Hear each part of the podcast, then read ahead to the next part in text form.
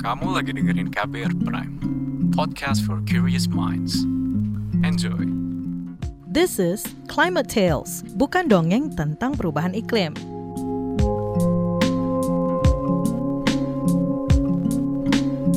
Podcast ini kerja bareng KBR Prime dan Umah for Earth Greenpeace Indonesia.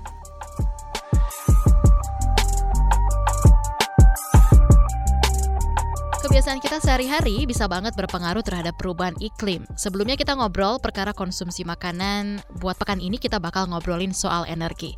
Ketergantungan kita terhadap energi fosil seperti BBM atau batu bara ternyata punya dampak secara langsung terhadap cepatnya perubahan iklim. Sudah saatnya kita melestarikan energi tak terbarukan dan beralih ke energi bersih dan terbarukan. Pertanyaannya, ada nggak nilai-nilai syariat Islam yang mengatur tentang pelestarian energi atau penggunaan energi bersih dan terbarukan? Saya Naomi Liandra, Anda sedang mendengarkan Climate Tales, kerja bareng KBR Prime dan Uma for Earth Greenpeace Indonesia. Kita langsung ngobrol bersama dengan relawan Solar Generation, Amalia Naria Saleha, Amel, dan juga pengurus masyarakat energi terbarukan, Hanafi Guciano. Nah, kita mungkin langsung ke Mbak Amel dulu kali ya. Kita pengen tahu dulu nih, uh, bagaimana sih sebenarnya persepsi anak muda di Indonesia perkara penggunaan energi ini dan dampaknya terhadap krisis perubahan iklim? So, menurutku uh, krisis iklim ini tuh merupakan isu tersier di kalangan anak muda. Kenapa? Karena itu masih dianggap sebagai isu pinggiran yang posisinya memang belum penting ketimbang isu ekonomi, kesehatan, bahkan pendidikan. Padahal faktanya sebetulnya climate change atau krisis iklim ini tuh selalu berkaitan dengan tentang masalah pendidikan, tentang masalah kesehatan dan ekonomi juga gitu. Dan selain itu juga aku melihat bahwa sebenarnya anak-anak muda di Indonesia ini tuh mereka merasa khawatir terhadap krisis iklim, tapi mereka ini belum tahu banyak tindakan apa sih yang perlu dilakukan untuk mengatasi atau beradaptasi dalam permasalahan iklim ini. Kita ke Pak Hanafi Guciano. Bagaimana nih Pak uh, Islam melihat perkara penggunaan energi dalam konteks perubahan iklim ini sendiri? Sebetulnya Islam uh, tidak mengatur dalam artian uh, spesifik perubahan iklim, tapi lebih kepada uh, bagaimana kita tidak memboroskan penggunaan energi. Jadi pemborosan itu sudah diatur oleh Islam supaya kita tidak berlebih-lebihan dalam hidup. Ya, karena uh, memang kita diajarkan untuk menghemat dalam Islam itu ada tiga sektor yang terkait dengan energi, disebut api, kemudian juga uh, padang rumput dan air. Kalau kita bicara tiga sektor itu, itu bisa kita turunkan lagi. Misalnya kalau uh, api itu ada geothermal, ada bio bioenergi dari dari tanaman, dari air juga bisa tenaga uh, listrik yang terbarukan.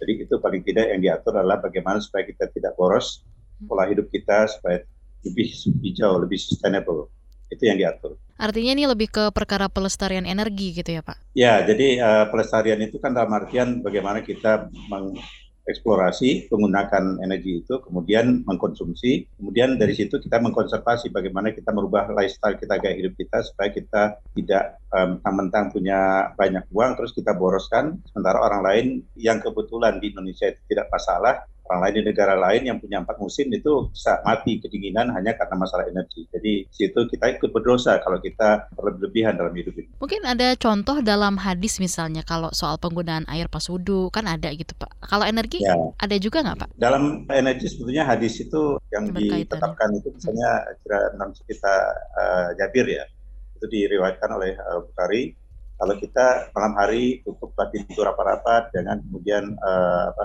hendak beristirahat jangan uh, membuang uh, apa, membuang air yang mubazir tapi tutuplah tempat air itu kemudian minumlah dan makanlah secukupnya. Itu semua sudah diatur supaya kita tidak uh, boros. Kemudian juga dalam hal uh, tanaman pun ya ranting pun nggak boleh dipotong karena kita tahu nanti orang anggap ini sekedar ranting tapi kalau kita kaitkan ranting itu dengan dengan energi itu bioenergi. Jadi Islam sudah mengajarkan Uh, memang ayat secara spesifik tidak ada dan hadis pun kalau kita kaitkan dengan sekarang dengan teknologi tentunya tidak temu ya. Hmm. Tetapi kalau kita kaitkan dengan pola hidup, nah di situlah bagaimana Islam mengatur menggunakan air untuk berwudu, supaya dihematkan, kemudian mematikan lampu kalau malam hari tidak perlu lagi penerangan ya saatnya beristirahat ya beristirahat kalaupun dia juga mengkonsumsi makanan jangan sampai kemudian menggunakan banyak bahan bakar banyak bahan makanan yang sudah siap makan tanpa menggunakan banyak energi. Uh, Mbak Amel ini uh, fokusnya kan lebih ke energi surya ya boleh kasih tahu nggak kenapa sih fokusnya energi surya? Maksudnya energi surya ini itu adalah bagian dari uh, energi terbarukan energi yang jumlah produksi produksinya lebih besar daripada jumlah konsumsinya. Artinya, setiap orang itu bisa mendapatkan energi yang tidak terbatas energi surya ini adalah salah satu potensi yang paling besar. Bahkan dari beberapa penelitian sebelumnya, bahwa potensi matahari kita itu tuh bisa menghasilkan terawatt yang sangat besar. Bahkan hmm. mungkin kalau misalkan kita terapkan di segurun Syahara gitu, mereka mampu soal energi surya ini tuh mampu menghidupi atau mengaliri energi listrik uh, secara global gitu. Makanya kita lebih fokus ke penerapan energi surya dan di satu sisi, Indonesia sendiri pun mempunyai kondisi iklim yang sangat mendukung untuk penerapan energi surya. Mulai dari potensi mataharinya yang selalu bersinar sepanjang hari, hmm. gitu kan. Terus juga yang bisa diterapkan secara fleksibel dan bahkan masyarakat pun bisa dengan mudah menggunakan energi surya, begitu. Tapi kalau menurut teman-teman dari Solar Generation nih, kenapa sih kita masih susah untuk memanfaatkan energi surya secara optimal? Kalau menurut kami sebetulnya berawal dari pemerintah dari government. Di sini yang harus kita tekankan adalah pemerintah daerah atau pemerintah atau negara gitu. Mereka harus memainkan peran penting dalam melaksanakan aksi iklim tingkat lokal, eh, baik itu dari tingkat lokal yang memang mendukung aksi regional dan global yang holistik gitu. Jadi kita bisa menciptakan kota yang memang terencana dengan baik dan mendapatkan sumber daya yang efisien gitu dan bisa menghasilkan non emisi gitu yang bahkan lebih rendah daripada uh, penghasilan uh, per orang gitu. Nah, kita berharap banget penerapan energi ini itu berawal dari dukungan dari pemerintah yang memang memastikan ada rencana khusus yang menyeter, menyertakan uh, pemuda proses untuk memenuhi semua kebutuhan-kebutuhan seperti optimalisasi energi surya. Pak Hanafi, kalau menurut pengamatan Anda, sejauh mana nih Pak kesadaran masyarakat ini sendiri akan pelestarian energi? Kalau di sisi supply dan yeah. cukup ya PLN itu sekarang berlebih supply-nya, tetapi kemudian uh, harganya mungkin yang memberatkan masyarakat karena sumber uh, energi yang digunakan PLN itu batu bara dan harga batu bara ini sekarang lagi tinggi-tingginya. Hmm. Bapak permintaan dunia sehingga uh, bagi kita Indonesia dengan sumber energi yang berlimpah, tapi harga energi kok lebih mahal dari negara lain. Dua, ya kita mungkin belum maksimal menggunakan energi terbarukan. Misalnya kalau kita apa uh, geothermal hanya berapa titik uh, apa yang sudah dilakukan dan itu pun belum maksimal. Kedua, tenaga matahari itu sangat mahal. Kita tahu lah tidak banyak uh, tingkat rumah tangga menggunakan solar energi karena pertama memang diatur oleh uh, pemerintah penggunaannya. Kedua, kalau kemudian dia bisa menyimpan dan dia tidak bisa menjual ke tetangga ya atau ke warganya karena harus izin pemerintah. Ketiga, kalau ada satu program besar misalnya oleh pemerintah daerah menggunakan uh, solar energi itu juga tidak bisa didistribusikan karena jaringannya harus menggunakan jaringan PLN. Jadi aturannya memang masih masih panjang dan kemudian harganya harganya pun ditetapkan oleh PLN. Jadi banyak dulu orang yang bergerak di micro hydro ya tenaga air yang mini tetapi kemudian merugi karena tidak bisa menjual ke PLN karena PLN membelinya dengan harga yang sangat murah sehingga mereka kemudian nggak ada nggak ada gunanya. Nah, hal yang sama untuk solar energi itu kalau kita berinvestasi di bidang solar di rumah saja, yeah. ya akhirnya orang akan memutuskan ya udah langganan PLN saja karena biayanya sangat mahal. Ya, kemudian dari sisi dorongan pemerintah, subsidi atau apa itu belum ada. Pemda sendiri juga pengen mendorong, tetapi peraturan-peraturan yang ditetapkan oleh PLN itu belum memungkinkan. Inilah mungkin yang akan kita lakukan. Dan sekarang ada orang berusaha untuk menyimpannya dalam baterai ya. Tapi kembali lagi sumbernya dari mana? Kalau sumbernya dari PLN ya ya sama saja harganya mahal. Kalau kemudian dari matahari kita tidak punya dana untuk eh, instalasi di rumah tangga di tingkat rumah tangga sangat mahal. Micro hydro tidak bisa connect ke PLN karena biasanya kalau micro hydro itu di pelosok-pelosok ya di tempat air yang ada. Jadi inilah masalah kita. Semestinya nilai apa harga listrik kita nggak semahal di negara-negara lain karena kita diberkahi oleh banyak sumber energi. Tapi inilah masih berputar bagaimana caranya supaya kita bisa surplus dalam sistem uh, energi khususnya yang terbarukan. Karena kalau menggunakan batu bara, pertama itu menambangnya saja sudah uh, merusak lingkungan, kedua membakarnya saja sudah berkontribusi kepada uh, emisi karbon perubahan iklim dan kita uh, menuntut pada pemerintah supaya melakukan uh, berubah ke energi terbarukan. Artinya PLN harus membayar ganti rugi dari emisi karbon tadi. Nah inilah yang kaitannya dengan perubahan iklim. Kalau ini benang kusutnya tidak diurai, ya akan muter-muter saja. Dan kasihan nanti anak-anak muda yang istilahnya ingin berubah ke pola hidup yang hijau, yang yang sustainable, hmm. tetapi sistemnya belum memungkinkan. Mbak Amel, ini investasinya mahal nih kalau tenaga surya. Gimana tuh? Bisa murah nggak kira-kira? Sebetulnya balik lagi ya ke hmm stigma setiap orang. Yeah. Sebetulnya uh, kalau kita lihat uh, dari segi ekonomi untuk membeli energi surya itu sangat murah. Pertama, kita memang awalnya ngeluarin modal yang sangat besar karena yang namanya investasi pasti akan uh, modal besar gitu kan. Misalkan untuk kebutuhan rumah biasanya mereka total untuk sistem on grid itu bisa sampai 20 atau 40 juta gitu. Tapi itu tuh kalau kita hitung uh, apa ya keberlanjutannya setelah 10 tahun kemudian uh, kita memasang sistem on grid ini di rumah itu kita gratis dan biasanya garansi atau si solar panel ini tuh bisa bertahan 20 sampai 30 tahun kalau misalkan dia bisa, bisa bertahan selama selama 30 tahun, berarti 20 tahun ke depannya kita gratis, kita nggak bayar energi sama sekali gitu. Yang artinya itu jatuhnya ke mendiri energi di dalam di rumah pribadi gitu. Lalu kalau soal aturan tadi gitu ya, usulan teman-teman dari Solar Generation sendiri seperti apa nih, eh, Mbak Amel? Baiknya pemerintah itu memberikan subsidi kepada masyarakat untuk uh, mendapatkan energi surya gitu kan. Karena energi surya ini mahalnya karena apa? Proses pengiriman dari komponen-komponen ini pengiriman dari luar negeri ke Indonesia satu itu. Yang kedua, harga maintenance-nya yang sangat mahal. Nah, yang ketiga, bagaimana caranya supaya masyarakat itu dapat perangkat-perangkat energi surya contohnya dan kemudian bagaimana caranya mereka bisa berinovasi Misalkan kalau mereka ternyata udah paham tentang uh, energi surya atau energi terbarukan lainnya, mereka pun bisa berinovasi dengan kayak membuat rangkaian kincir angin mau mau yang vertikal atau horizontal gitu kan. Dan itu tuh sangat mudah untuk dilakukan kalau misalkan ada inisiatif dari komunitas terdekat, dari organisasi terdekat, atau bahkan dari pemerintah lokal. Itu yang paling penting. Pak, ini salah satu program Eko Masjid ini kan inisiatif penggunaan energi surya gitu ya. Ini memungkinkan implementasi yang lebih banyak apa enggak nih Pak? Dan kira-kira aturan-aturan yang dibutuhkan untuk merealisasikan itu seperti apa? Sebetulnya seperti tadi disebutkan oleh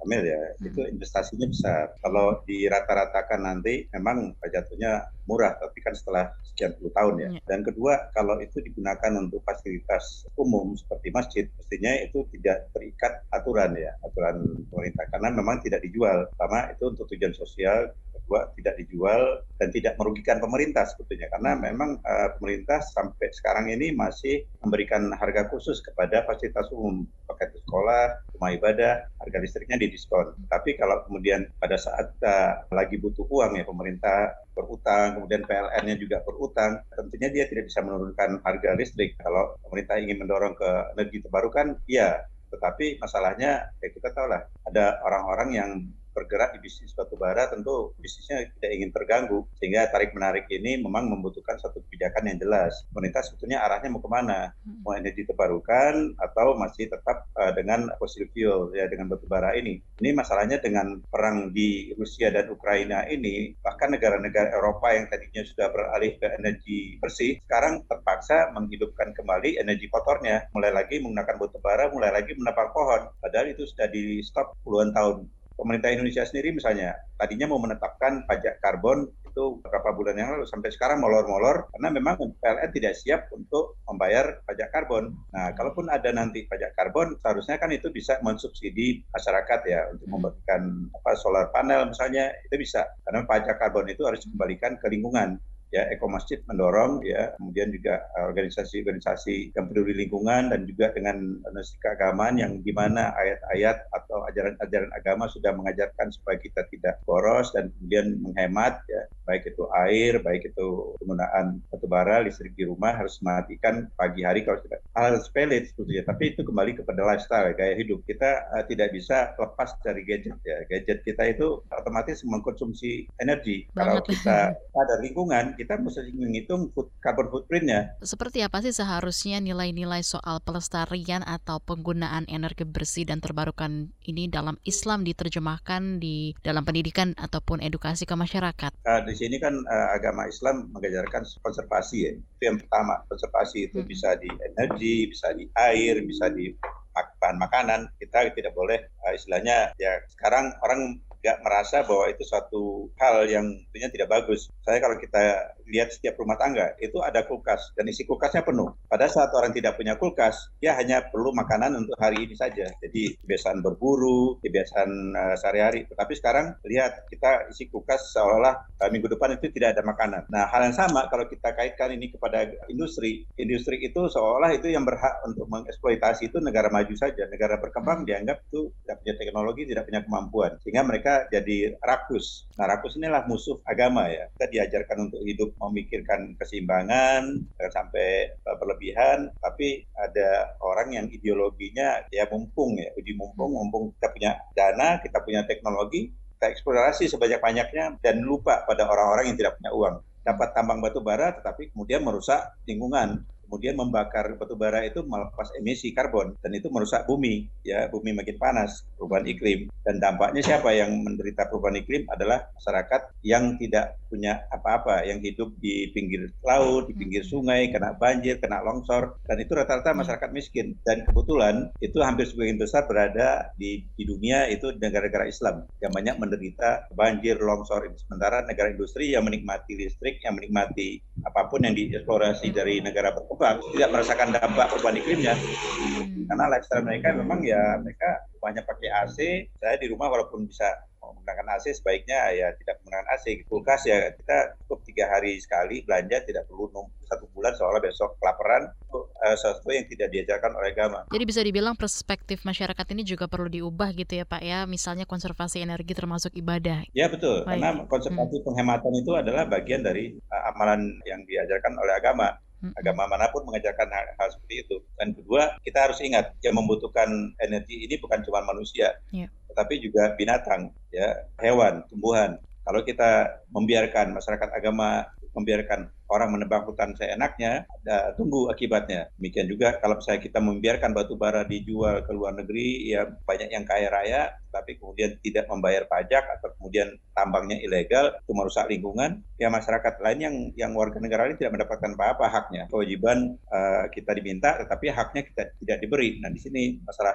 uh, keadilan. Lagi-lagi itu diutamakan dalam agama, keadilan. Mbak Amel, kalian kan punya program-program yang menarik gitu ya, seperti Green Camp, kemudian juga workshop energi surya untuk sekolah, dan kegiatan kampus ke kampus gitu. Edukasi seperti apa sih yang diberikan dalam program-program yang tadi aku sebutkan itu Mbak? Biasanya sih program kita ini lebih fokus untuk pengenalan tentang energi terbarukan satu itu.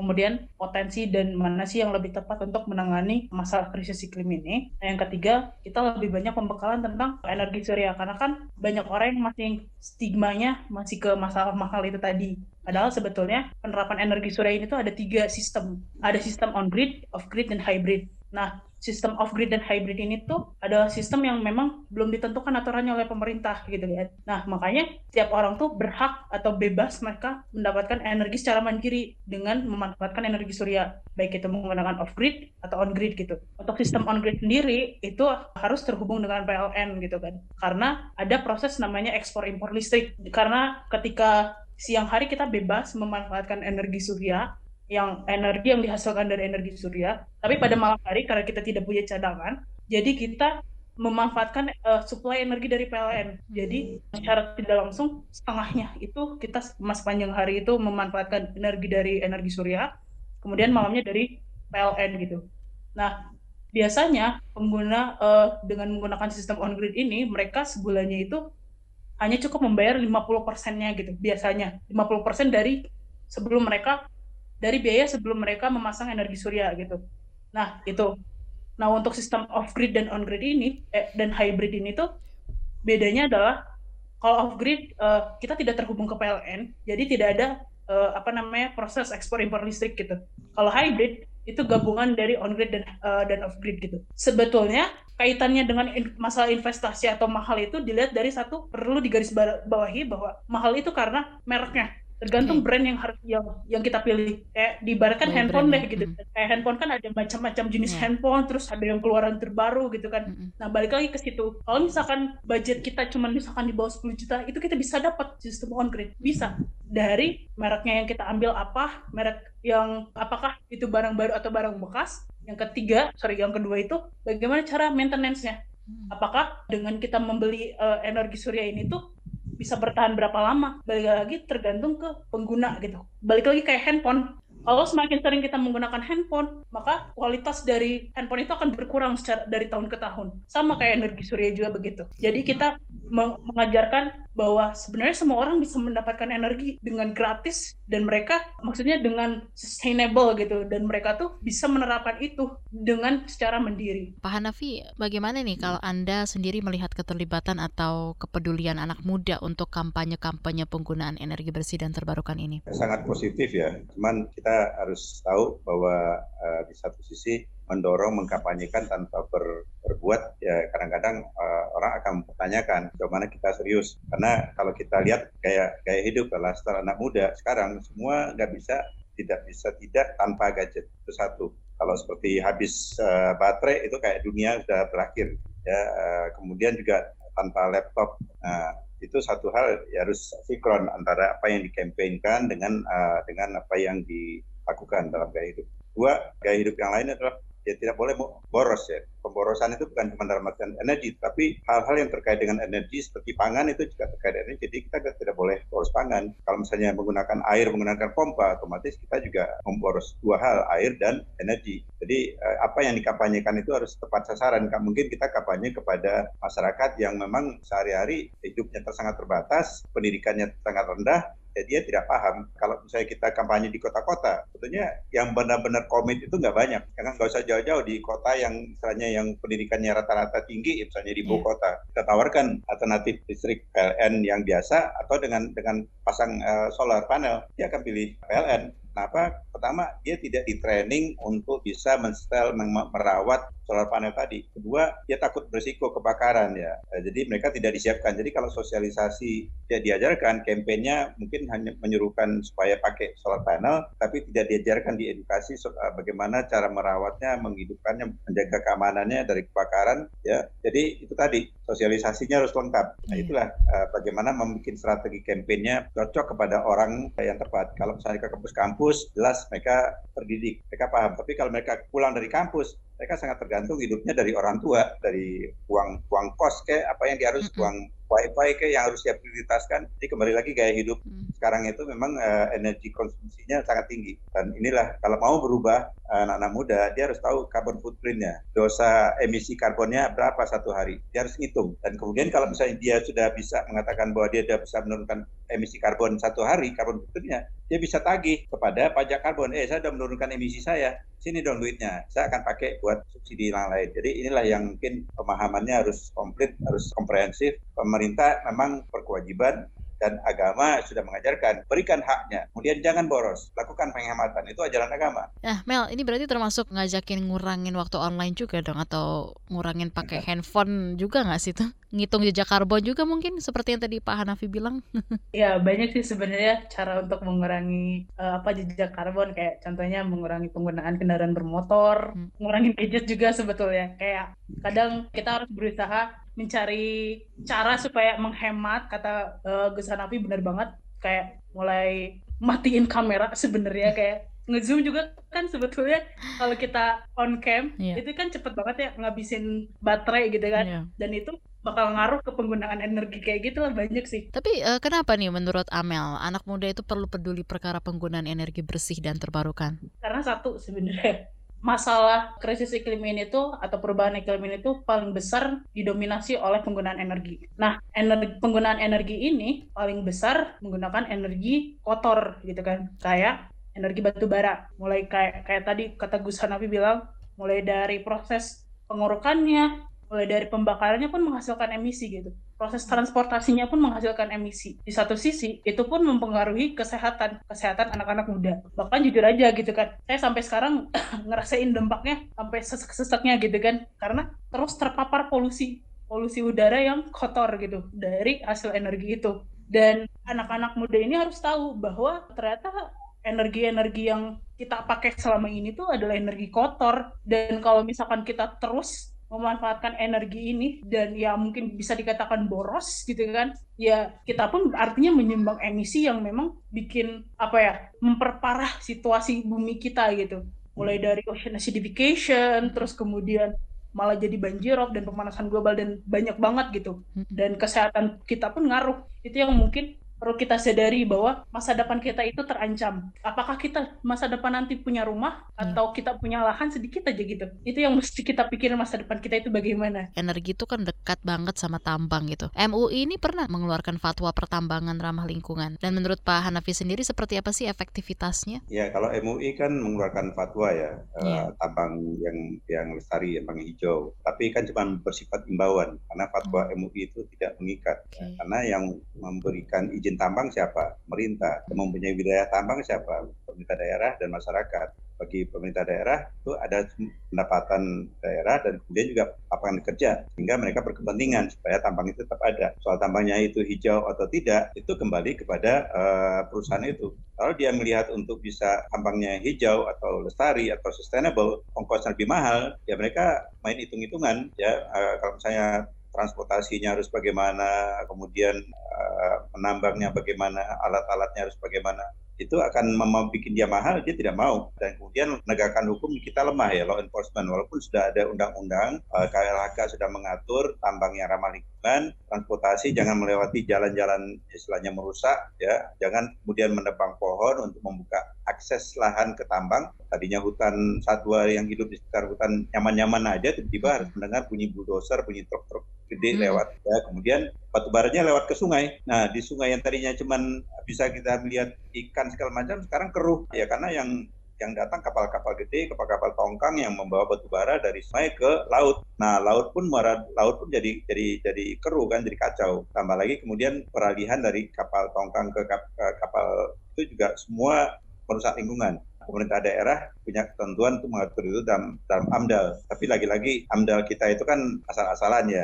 Artinya Omnibus Law kita itu juga mengkompromi uh, lingkungan AMDAL. AMDAL. Jadi ini yang menjadi tantangan kita. Kalau kita benar-benar serius untuk uh, go green, ya energinya benar-benar harus sustainable, hmm. harus lestari, tentunya ya kembali kepada ajaran etika dan etika itu banyak terkait dengan agama. Kalau Tuhan sudah memberikan kita gunung, memberikan kita air, sungai, memberikan kita pohon, ya itu sumber energi semua. Gunung dengan dengan geotermalnya, pohon dengan bioenerginya, kemudian tanah dengan kandungan-kandungan di dalamnya, angin, matahari tadi sudah disebutkan. Sebetulnya bagaimana kita mengakui itu sebagai pemberian yang luar biasa. Kalau tanpa kita mengakui itu sebagai pemberian luar biasa, karena tidak semua negara mendapatkan hal seperti itu. Negara yang musim dingin, mereka tidak mendapatkan uh, banyak uh, produk tadi. Mereka yang tidak punya tambang, mereka tidak bisa menggali di bawah tanah. Mereka yang mungkin tidak ada gunung, mereka tidak punya geotermal. Nah, Indonesia punya semua. Tetapi kemudian itu tadi, kayaknya karena negara berkembang, semuanya dijual dulu ke luar negeri. Biarlah masyarakatnya tidak mendapatkannya. Dan ini terkait lagi dengan hak agama mengejarkan hak berikan haknya kepada masyarakat yang tinggal di situ lebih dulu, baru kemudian sisanya bisa dijual ke tempat lain. Nah kita pengusaha lebih senang menjualnya ke luar negeri karena harga batu bara lagi bagus-bagusnya di luar negeri. Sementara kalau dijual ke PLN harga harganya harus ditetapkan oleh pemerintah dan yeah. mereka menganggap rugi. Nah, inilah etika uh, dalam dunia pertambangan itu harus dikembalikan. Kita ingin mereka berbuat pada penambangan hijau, MUI hanya bisa mengimbau tapi tidak bisa meng law enforcement penegakan hukum tidak bisa. Itu ada di pemerintah. Tapi kadang-kadang kita harus berbenturan sama uh, kebijakan yang tidak jelas yeah. penegakan hukum yang lemah dan kemudian masyarakat yang kadang-kadang permisif ya. Sudah biarin aja ya. Uh, bukan urusan saya. Nah ini yang yang perlu kita suarakan. Generasi muda ya teman-teman Imam Amel harus menyuarakan itu. Jangan permisif. Kita punya hak generasi ke depan itu punya hak namanya keadilan iklim. Kalau orang sebelum generasi sebelumnya boleh merusak iklim boleh merusak bumi tetapi dampaknya bagi generasi berikutnya baik itu dengan gizi buruk bencana yang mereka harus derita ya tanpa energi dan kemudian polusi yang luar biasa. Okay. Mereka berhak menuntut keadilan iklim. Semendesak apa sih Pak dibikinnya aturan yang benar gitu, nggak kompromistis untuk penerapan penggunaan energi bersih dan terbarukan? Sangat mendesak. Berbagai peraturan sudah ada, tapi yeah. implementasinya sangat lemah. Okay. Uh, eh, itu itu kelemahan uh, umum ya di Indonesia. Kalau peraturannya sudah sudah ada diatur, tapi pelaksanaannya implementasinya lemah. Kedua, itu tadi masalah keadilan iklim ini memang harus disuarakan bukan hanya antar generasi, tetapi juga antar negara. Nah sekarang dengan masalah perang di Ukraina ya dengan berbagai energi yang kemudian jadi harganya sangat mahal dan kemudian di Eropa yang tadinya sudah go green ya eh, lingkungannya sudah bagus hijau sekarang merusak lagi. Kita terpaksa. Sementara kita tidak terpaksa mestinya kita masih bisa uh, mengkampanyekan energi yang bersih di Indonesia ya. Berlimpah kok dari matahari, air, pohon, ranting pun bisa jadi energi. Bahkan limbah makanan, kalau kita misalnya uh, kumpulkan limbah makanan di restoran-restoran itu bisa menjadi biofuel, energi hmm. bio ya, dari limbah makanan, sisa makanan. Itu banyak yang bisa kita lakukan. Uh, itu juga sudah apa, lestari energi yang yang hijau ya lestari. Komitmen uh, kita kadang-kadang lemah jalan pintas begitu banyak dan kemudian tidak semua orang mau uh, go, go green ya. Baik itu di rumah ibadah masih banyak yang apa, tidak melakukan konservasi, gaya hidup, transportasi dan segala macam masing-masing pengen punya kendaraan, pengen beli hmm. kendaraan, pengen kredit ya. Kemudian kalau ke supermarket belinya yang barang-barang import yang semua bisa dihitung jejak karbonnya. Hmm. Tapi kalau kemudian disuruh nanam yang hijau males. Padahal itu pertanian itu adalah satu satu sektor yang sangat berkembang sekarang terutama bagi anak muda. Jadi ini mendesak banget ya kalau menurut Pak Hanafina. Dari Mbak Amel gimana nih Mbak? Dari aku juga sama, sangat mendesak banget. Hmm. Karena kayak kalau kita lihat ya, kita sebagai kaum muda itu sering banget ngerasa kayak terhambat dan mudah putus asa karena pendekatan hmm. top dan pemerintah itu, top dan pemerintah itu yang keras dan mereka nggak cukup itu. Maksudnya mereka tidak melibatkan masyarakat termasuk kita, masyarakat lokal dalam proses pembuatan kebijakan gitu. Okay. Jadi akibatnya tuh kebijakannya itu harus mematuhi konsep mereka yang kayak nothing without us gitu kan dan terus uh, seharusnya mereka itu kayak membuat kebijakan darurat iklim hmm. yang memang harus berakar pada satu keadilan iklim yang kedua berorientasi pada tindakan dan yang ketiga memiliki kebijakan yang jelas dan nyata karena ini berarti kebijakan itu harus mempertimbangkan semua dimensi termasuk dimensi sosial ekonomi termasuk anak muda yang kemudian bisa berdampak pada komunitas dan juga anak muda yang terpinggirkan begitu. Demikian Climate Tales episode kali ini. Saya Naomi Liandra.